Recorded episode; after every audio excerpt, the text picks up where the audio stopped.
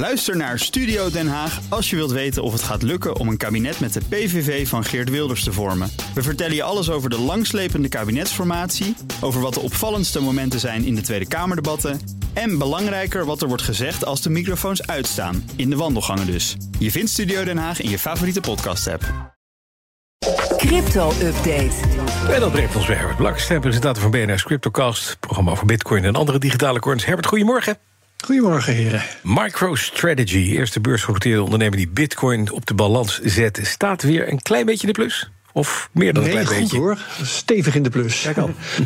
Ja, op meer dan een miljard winst zitten ze. Eh, blijft natuurlijk van papier zolang je hem niet neemt, die winst.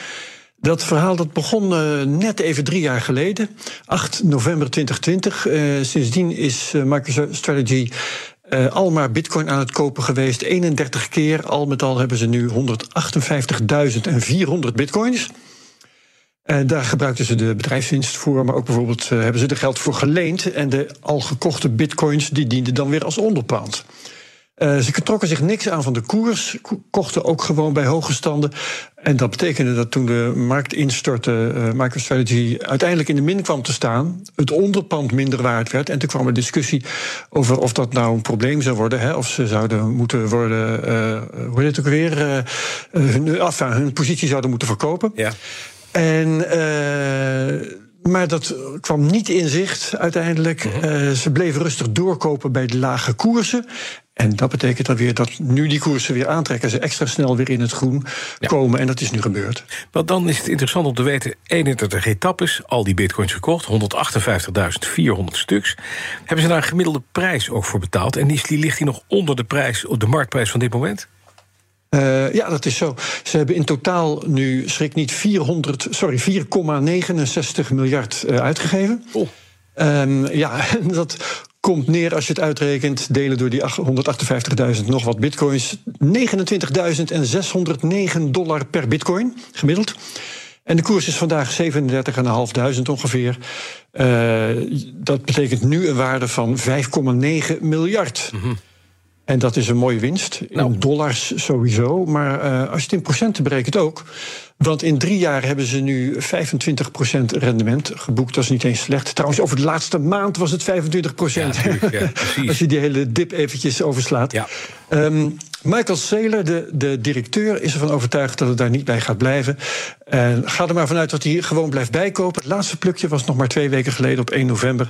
Heeft hij 155 bitcoins gekocht voor het bedrijf. Oké, zijn er al veel bedrijven die bitcoin in bezit hebben trouwens? Eh, nee, eh, objectief bekeken niet. Eh, beurs, beursgenoteerde bedrijven een stuk of 40. Eh, het zijn meestal cryptobedrijven, miners, vermogensbeheerders, beurzen ook. Maar Tesla zit erbij. En het laatste, de laatste in het rijtje is Boya Interactive. Dat is een Chinees gamingbedrijf. Heeft net aangekondigd voor eh 5 miljoen aan crypto te gaan kopen. En maximaal 100 miljoen aan crypto te willen kopen. Eh, particuliere bedrijven, ja, daar weten we weinig van, want die hoeven dat niet bekend te maken. Eh, er zijn er waarschijnlijk honderden of duizenden wereldwijd, maar dat is natuurlijk niks, peanuts. Het is zeker nog geen eh, standaard vorm van sparen voor bedrijven. Nee, dat blijkt nou weer. Hoe staat het met El Salvador? Want dat land is een tijdje al bezig hè, met bitcoin aankopen. Dat is als tweede officiële munt. Ja, eh, heel leuk verhaal wel. Eh, El Salvador is wat later begonnen dan MicroStrategy.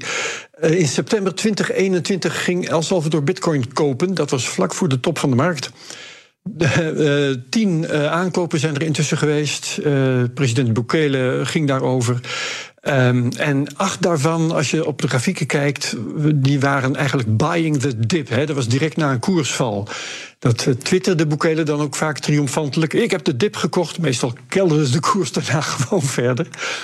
Ehm, en op 17 november 2022, dat is morgen een jaar geleden. Toen heeft Bukele aangekondigd dat hij vanaf dat moment elke dag één bitcoin zou gaan kopen. Achteraf kun je zeggen dat was net de bodem van de markt. Dus ja, ja sindsdien krabbelt het land met al die bitcoin-beleggingen geleidelijk aan uit het dal. Eh, Even eh, per saldo, hoe staan de bitcoin-beleggingen voor nu van El Salvador? Zullen we dat allemaal keurig netjes optellen? Ja, nog niet zo heel goed. Eh, Tien losse aankopen dus. Ehm, steeds ongeveer 100 tot een paar honderd bitcoins tegelijk. Acht van die aankopen staan nog in de min. De laatste twee waren dicht bij de bodem van de markt. Die zijn al positief. En sinds 17 november vorig jaar worden er dus losse bitcoins aangekocht. Uh, dat zijn er intussen 364. Die staan ook allemaal in de plus op dit moment in elk geval. Um, al met al heeft El Salvador 126 miljoen dollar uitgegeven. De waarde daarvan is op dit moment 112 miljoen dollar. Dus 11% in de min. Uh, als je dan gaat uh, rekenen, dan zullen ze vanaf een bitcoin-koers van 40.500 dollar uh, in de plus staan. Dat nou, moeten we dus nog afwachten. Dat is niet gek. Dan nog eventjes een, een schuldbekentenis in een strafproces... tegen een van de betrokkenen bij het frauduleuze OneCoin. Ja, we doen toch nog even een strafproces. Ja, dat, dat kan, dat kunnen niet zonder, eigenlijk. Nee, nee. Um, OneCoin was het project dat beweerde een cryptomunt te zijn, terwijl dat niet zo was. Mhm. Dus ja, het is altijd even moeilijk of, dat nou, of je dat nou een cryptofraude moet vinden of niet. Maar het was in elk geval oplichting. En de grote ster was, uh, zoals je herinnert, Ruja Ignatova, ja. de mooie crypto queen. Uh, sinds 2017 is zij spoorloos en haar 4 miljard dollar uh, is dat ook.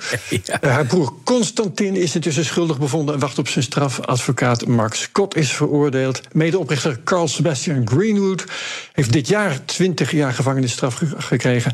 En het gaat nu over Irina Dilkinska. Uh, zij was hoofd uh, legal and compliance bij OneCoin. Uh, zeg maar even, vertaal dat als juridische zaken en regelgeving. Mm -hmm. Grappige titel als je kernactiviteit eigenlijk oplichting is. ja. Ze heeft nu schuld bekend ja. aan samenzwering tot telecomfraude, samenzwering bij witwassen en zij kan maximaal 10 jaar krijgen. En een nieuw visitekaartje. Wat zit er in de Cryptocast deze week? Uh, een verkiezingsaflevering met Tom van Lamoen. Hij is lijsttrekker van de Libertaire Partij. En dat is een van de twee partijen die Bitcoin in hun programma hebben staan. De andere is BVNL van Wieber van Haga. Ja, libertarisme en bitcoin, uh, dat weet je misschien, die hebben wel wat met elkaar. Al zijn natuurlijk niet alle libertariërs bitcoiners of andersom. Maar vrijheid is belangrijk in het libertarisme. Dus ondernemers vinden ze daar moeten vrij zijn om bitcoin te accepteren. Moet niet verplicht zijn.